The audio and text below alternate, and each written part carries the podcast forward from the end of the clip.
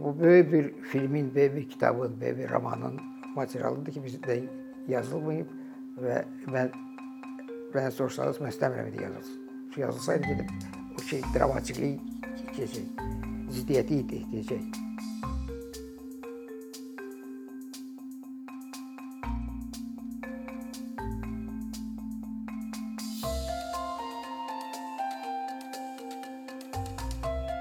Onların ilk görüşü 1995-ci il Tiflis.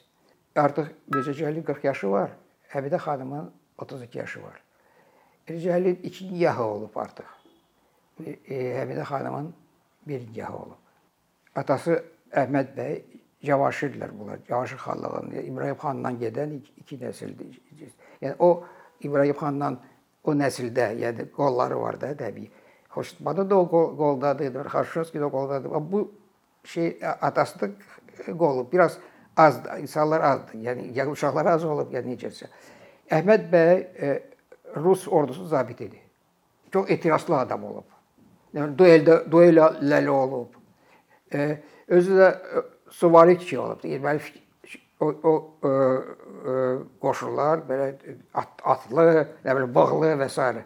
duel, vurulan qadınlar, nə bilim çox etirazlı dözülməz, çox dözülməz xasiyyəti ol və s. şey. Belə bir çılğın bir insandır.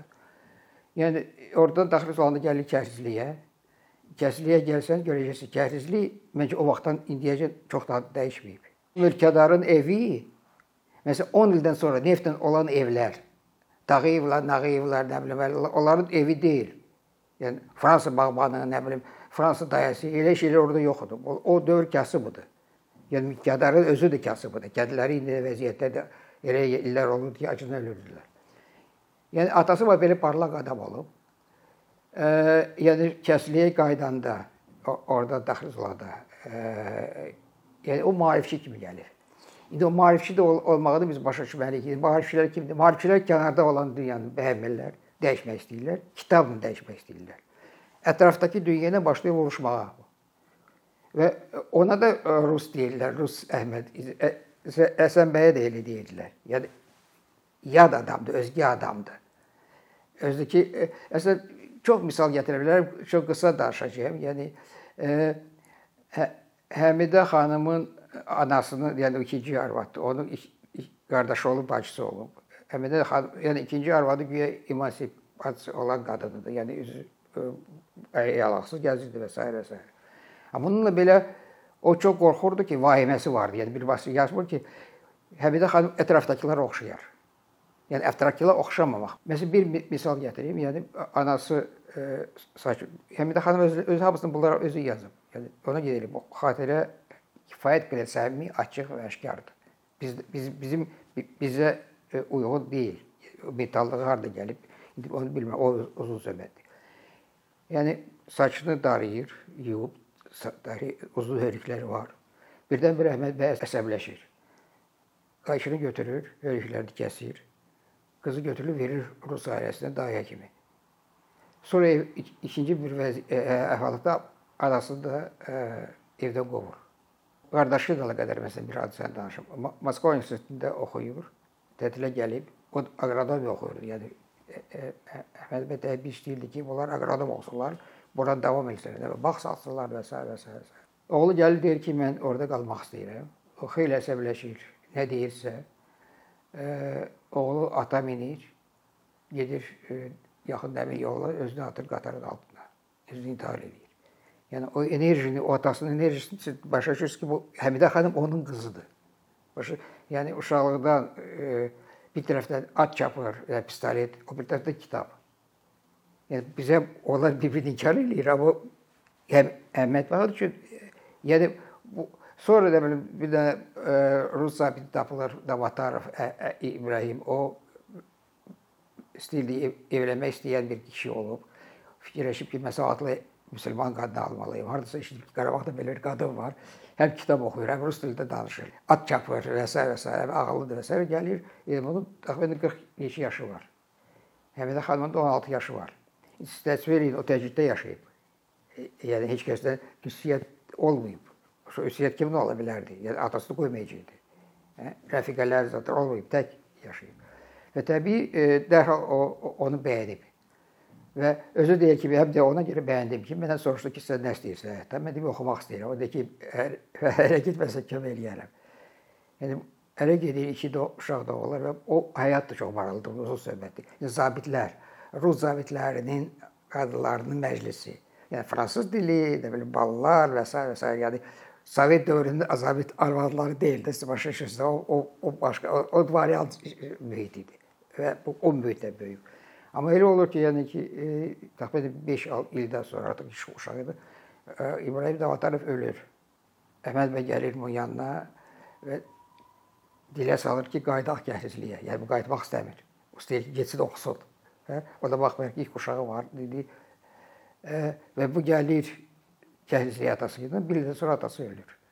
Biri qalır mülkədar qadın Biz, bizdə ümumiyyətlə mülkədar qadın obrazı yoxdur. Rus şeydə bilirsiniz, Ostrovski var və s. və çox çox yazılıbdı. Qərb qərbdə də başqa cürdür. Amma orada da yəni elə qadınlar obrazı var, bizdə yoxdur. Və bu mülkədar məcbur olur ki, təsərrüfatla bağlı məşğul olsun, kitabla məşğul olsun, uşaqlarını böyütsün və s. və s. və qızı böyüyəndə e, böyüyəndə deyəni 14-15 yaşına aparır, onu Tiflisə pansiona. Yəni özü oxuduğu pansiona. Və ora gedəndə də Sofiya xanımın evindən gəlir. Yəni Sofiya xanımın bir məclis kimi. Və istəyir at atasının əsərlərini çap eləsin. Atasının əsərləri də uzun söhbətli tərcümələr var, Qarabağ xanlığının tarixi var da və s. və s. O da deyir ki, problem yoxdur. Bu yax yaxında Şərqi Rus qəzeti buraxılır. Qeyrət mətbəsi var. Onun sahiblərindən biri Mirzə Cəlildir. Və Mircəşil bizə tez-tez gəlir, o da gələcək. Mən sizi tanış eləyərəm və biznesdir də, o var, biznes. Hamısı özəldir. Yəni biz də söyləmirik. Sonradan sosialist şey bizi bizi pozdu. İndi biz yavaş öyrənirik özələ. Amma orada özəl idi. Yəni və özəl siz oradan keçdiniz, qutardan sonra istəyirsən qazanırsın, qazanma. Himayə yoxdur, zaten qanun var da. Yəni Sovet imperiyası, Rus imperiyasına xeyli fərqlənirdi. O, o artıq yedi uzun söhbətdir. Bu yəni belə 32 yaşında bu günə, yəni ay yadda deyil, yəni 5-ci ildir. 5-ci il çox maraqlı ildir. Yəni çətin ildir. Niyə erməni müsəlman davaları başlayır, bolşeviklər başlayır, SSRİ başlayır, yəni Rusiya çox qızğındır və s. Yəni ki, çox belə necə deyim, e, yəni sakit olmayan bir dövrdür. E, indi Mirzə Cəlil, Mirzə Cəlil Naxçıvan bəndən nəvəsi. Atası mənə söyləmək çətindir, amma görünür ki, məsələn, özü bezicəli və qardaşına görə deyə bilərəm ki, yəni o dövr üçün savadlı adam olub. Savadlı olmasa da belə yəni dünya başa düşən adam olub. Yəni bu e, Məzicəli Bolaxanalarda oxuyub, bəyənməyib oranı və, e, və sonra Rus Tatar məktəbi olub Naxçıvanda. Orada üç il oxuyub, görülür o rus dilini bilirdi artıq. Ondan sonra atasına yapışıb ki, Qori seminariyasına apar. Onu iki dəfə aparıblar. Yaşı çatmayıb. Baxarda bu gedib Qori. Qori seminariyası o çox vacib bir məkandır. Orada o Zeyr oxuyub, şey oxuyub, bir Müslim oxuyub.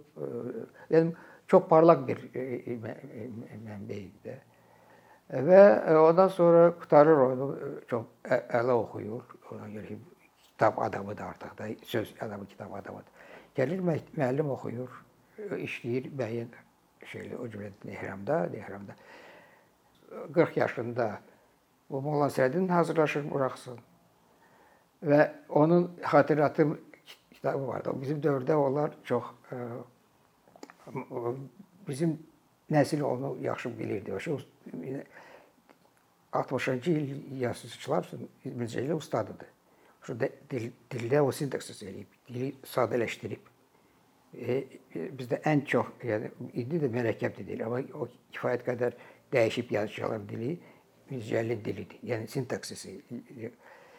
Və o xatirətim qəribədir. O da o da o da yadda salır. Deyir ki, gözümü açdım, qaranlıq gördüm. Qaranlıqda Allah əkbər eşitdim. Mən də hər yerdə görürəm inşallah. Allah o, o təxminən o vaxt bunu izah eləyir və Molla Nəsrəddin Azərbaycan buraxsın. Molla Nəsrəddin yenə başa düşürük biz. Şu Molla Nəsrəddin məsələn Bakıda çıxsaydı, onu öldürəcəkdilər. Bakıda onu fikirləşin ki, hər bir məsciddə onu söyürdülər Necəcəlli. Lənətləndirirlər. Yəni bəzən qaçırdı. E, və bunlar hamısını nəzərə alaraq 40 yaşında bu bunlar ikisi görüşürlər. Və e, mən dərhal deyə bilərəm ki, e, yəni o birinci görüşü Həmidə xanım bütün təəssürat detallara qədər bilirsə necə geyindi, nə geydi, nə dedi. Əsasən danışmırdı, əsasən Omar Faiq. Omar Faiq yenə ayrı bir söhbətdir. Omar Faiq Nemanzadə olmasaydı çox şeydə malalayırdı, danışan idi, gələn idi. Mövzu Cəlil çox ağır idi, danışmayandı. O cür Həmidə xanım çox möcüzəli bir qadındır. Hardan gəldi bu qadın? Yəni onu e, Dolarvada əvvəl almışdı, nə bilim o o, bir qadın da problemidir, xəstələndi və s. Yəni onun üçün artıq və e, mən mən həmişə deyirəm, bir başqa planetdən başqa planet sakini kimi idi. İkisi də bir-birini necə deyim, məhəbbət demirəm, yəni güclü təsir eləmişdi. Məhəmməd indi artıq yadımızda saxlayaq ki, 32 yaşı var, 40 yaşı var. Bunların 18 yaşı yoxdur. Və e, bir bir vasitə yox, Sofiya xanıma da müraciət edir ki, mən Həmidə xanımla ailə qurmaq istəyirəm. O dərhal deyir yox. Bu yoxun məncə həm bu kitabı oxuyanda, həm oxumayanda bir çox şeyləri, qatları var. Birinci o deyən qatı, o çox aydındır ki, mən işimi ata bilmərəm, o işini ata bilməz. Biz paralel yaşaya bilərik. Yəni biz deyən mənada ailə qura bilməyəcəklər onlar. Başqa tərəfləri də var. Siz belə biz e, biz çox şey dəqiq demirik də. Məsələn, Ailənin matritsası var. Matritsa nədir? Salon, qonaq oteli, mətbəx, yataq, uşaqlar. Ailə bu, bu, bu matritsadır. Elə ailələr var ki, burada batırlar. Eləsi var ki, bu matritsada xoşbəxt olurlar. Onlar kifayət eləyir. Eləsi var ki, burada adlayıb harasa çıxırlar. Hə? Yəni müxtəlif variantlar var. Minlərcə. Yəni bu artıq bizim üçün qapalı mövzulardır. Dünya üçün çoxdan qapalı mövzular deyil. Hə? Və Həmidə xanım bilir ki, bu ə, e, müəyyən dərəcədə bu dördünü ona bölüşmək istəmir. Yəni adı ailə xoşbəxtlik olmayacaq. Yəni o kişiyə kömək eləmək istəyir. O başqa söhbətdir. O belə deyək də çox provokativ adamıdır. Qıcıq verən adamıdır. Bunlar e, Ömər Faiq Yavaşov O vaxt onun belə bir yazısı çıxmışdı. Mən baxdım dünən onu şey tərcümə eləyib Mirzə e, Həmidə xanım. Erməni və Azərbaycan qadınları. O 5-ci ildən sonra bu yazını yazıb. Amma indi fikirləşin ki, indiki zamanda kimsə yazsaydı, nələr baş verərdi. O vaxt da elə idi təxminən də. Elə dalınca Şeyx İslama qarşı elə belə bir şey yazır. Və s. və s. və s. Bunlar qoçalar Bakı qoçuları yığılırlar ki, öldürəcəyik. E, Bu deməli Tiflisdə əvvəl Azərbaycan əzbəri yaşayan ərazidən keçir Gürcülər yaşayan əraziyə. İndi Tiflisdə bilinmir, qabaq görülür, o ayrı yaşayırlar. Ayrı dedi ki, rabitə var idi. Ondan sonra ə, e, görür ki, bu da kifayət edir, qaçır. Qaçır deyə yox, gedir, gedir Gəhizliyə. Gəlir Həmidə xanımın yanına. Və orada Həmidə xanımı da hə deyir. Yəni və bunu da mən sadə olaraq nə deyirəm? Yəni Həmidə xanım hə, hə, hə demək nə deməkdir? O adı mən məişət mənasında hə de, deyil. Hə? Halbuki hə deyəndə əlbəttə yəni mən o gün yenə yazmışam ki, o elə qadına hə deyəndə o heç vaxt yox deməyəcək. O hə məsuliyyətdir. Deməli bu yükün altında bu sən gəlirsən, axıracan bu yükü aparacaq. Və ona görə ki, bu qadın o kişinin yükünü imkan daxilində azaltmaq istəyir. Yəni, kişinin bir qədər yükünü e, öz çiyinə alır. Və məsələ ondadır ki, mən e, məsələn insan kimi kimdir biz cəllimiz qısa deyəcəyim də, məsələn başa düşürsüz. E, yəni e, şey mənada, əxlaq mənada müsbətdir. Hə? Amma rəftarlıq mənasında o olğuca ağırdır. Məsələn onun bacısı e, bizə Həmidə xanıma sonra deyir ki, onun ki arvadı oldu. İşini bədbəxt, Mirzə Şəli bədbəxt elədi. Yəni bilə-bilə eləmədi. Bu xasiyyəti elədi. Və təbii e, məsələn Həmidə xanım olmasaydı, Cavaşir olmasaydı, o da bədbəxt eləyəcəkdi. Məsələn, o danışır ki, bir dəfə deyir, qızımın, yəni o biri arvadla, qadın deyir, xəstə idi, çarpayıda dura bilmirdi. Qızın e, bir yaşı hələ olmamışdı. Yəni körpə demək olar. Qız deyir, qışqırırdı. E, ağlayırdı. Mən də onu sakitləşdirmək istəyirdim. Ayrılmırdı. Mənim də işim vardı. Mən də elə bir vəziyyətə düşdüm ki, o çox o mənim çox dözümsüzdür. Yəni o onu o daxili e, fikirlərdə ayılanda əsəbləşirdi həmişə də. Yəni uzun söhbətdir, qısa deyirəm də. Və fikirləşdim onu qoyuya atam. Sonra da qoyuya gələndə gözümə gəlib ki, nə elə qayıtdım deyir. İndi məsələ ondadır ki, e, bu hadisəni Həmidə xanıma danışır. Həmidə xanım onu yazır. Deməli mən həmişə fikirləşirəm ki, ümumiyyətlə Mirzə Cəlil kimi insanların dahiliyi həm də onların səmimiliyidir. Yəni onlar qorxmurlar özlərindən. Dünyadan da qorxmur. Dünyaya e, yəni dahilər özləri özlərinin necə var açırlar. Yəni hər adam o qədər səmimi ola bilmir. Biz çox da deyə bilərik ki, səmimiyik, amma hər addım biz səmimilikdən qorxuruq. Bu e, və sonra da e, deyir ki, e, məsələn mən ailə üçün e, ailə üçün yaranmamışam. Məsələn, e, yenə qabağa gedirəm. Məsələn, onun e, oğlu ilə iki oğlu olub da, e, Həmidə xanımla. Yəni biri müddət, biri əvvəl. E, müddət e, deməli e, onu da deyim ki, yəni o, o da vacibdir. Yəni bu xat onlar rus dilində danışırlar. Məktublar rus dilindədir. O uşaqlar rus dilində danışır. Biz rus dilini elə bildik ki, rus dilini açsaq dərhal milli olacaq. Milli olmayacaq. Çünki bizim mədəniyyətimiz rus dilindədir. Bu, bu, bu, bu yaxşı başa düşməliyik. Doktor Mehmandarovla rus dilində danışır. O məktublar da çap olunmayıb. E, tərcümədə də çap olunub altı cildliyində. Mən də onları çap eləməyəcəm. Bəzi şeyləri e, öz xətlər oxumaq çətin. Mən də qızıma o bir daşları elə paylamışam ki, pul vermişəm ki, şəkil çəkdirirlər. O da uzun söhbətdir. Yəni Mitədə gəldikdə, deməli Mitəd çox talantlı oğlan olub gördür. Amma e, Mirzəcəli kimi qapalı, yəni dost, dost. Mirzəcəli qonaq getmək, qonaq qəbul etmək sevmir belə şeyləri. O tək yaşamağı və Əbidə xanım, yəni o Əbidə xanım başqa qadınlar da olub. O da uzun söhbətdir. E, yəni bir dəfə bu bu da radioda məşğul oldu. O vaxt yəni radio şeyli qoruş, quraşdırırdı, belə dünyaya da danışırdı, o da bu tərii idi. Və radioda o qədər məşğul olur ki, başqa dərsləri yada çıxardır. Və e, Bezcəli birdən bilir ki, bu dərslərdən e, geriləyib və onu seyfdə saxlamaq istəyirlər. Özdən çıxır və bu yenə deyirəm, daxil hamısını yazır. Kərpic əlində kərpic götürülür ki, bu cihazı, radio cihazı sındıracaq. E, Həvidə xanım deyir ki, e, e, müddət elə vəziyyətdə idi ki, o özü intihar edə bilərdi. O deyir ki, vur, vur, onu vurma, məni vurma. Mən də güclə də Mirzə Cəlli apardım o bir otağa. Evi sakitləşdirdim. Səhər getdim, bir yerdə getdik müdiri, e, məktəb müdiri yanına. Məktəb müdiri Papovdur. Yəni. Deyir, Papov mən bizi də çox diqqət qulaq Dedi ki, cihazı gətir. Cihazı gətirdi. Bura yaydı şey. Amma dedi, o kömək elədiyim ili bitirdi e, müddət. Sonra keçirdi başqa məktəbə ki, o texniki təməyyür olsun. Və çox parlaq oxuyurdu. Amma sonra e, təxminən vərəm oldu. Yəni Mirzəcəlilin son günündə də o deyildi. Mice, mice, mice, mice, eci, eci, eci deyildi ona. Eci, o, o axırda gəldi ona. Amma 6 ayda o da öldü vərəmdən. Yəni o uşaqlar söhbət vaxtı oldu. Demək istəyirəm ki, onların həyatı ondan sonra çox rahat olmayıb. Heç vaxt rahat olmayıb. Sovet dövrü, Sovet hakimiyyəti belə deyək də, e, Mirzə Cəlilə daha yaxın idi nəinki Həmidə xanım. Həmidə xanım mülkədardır.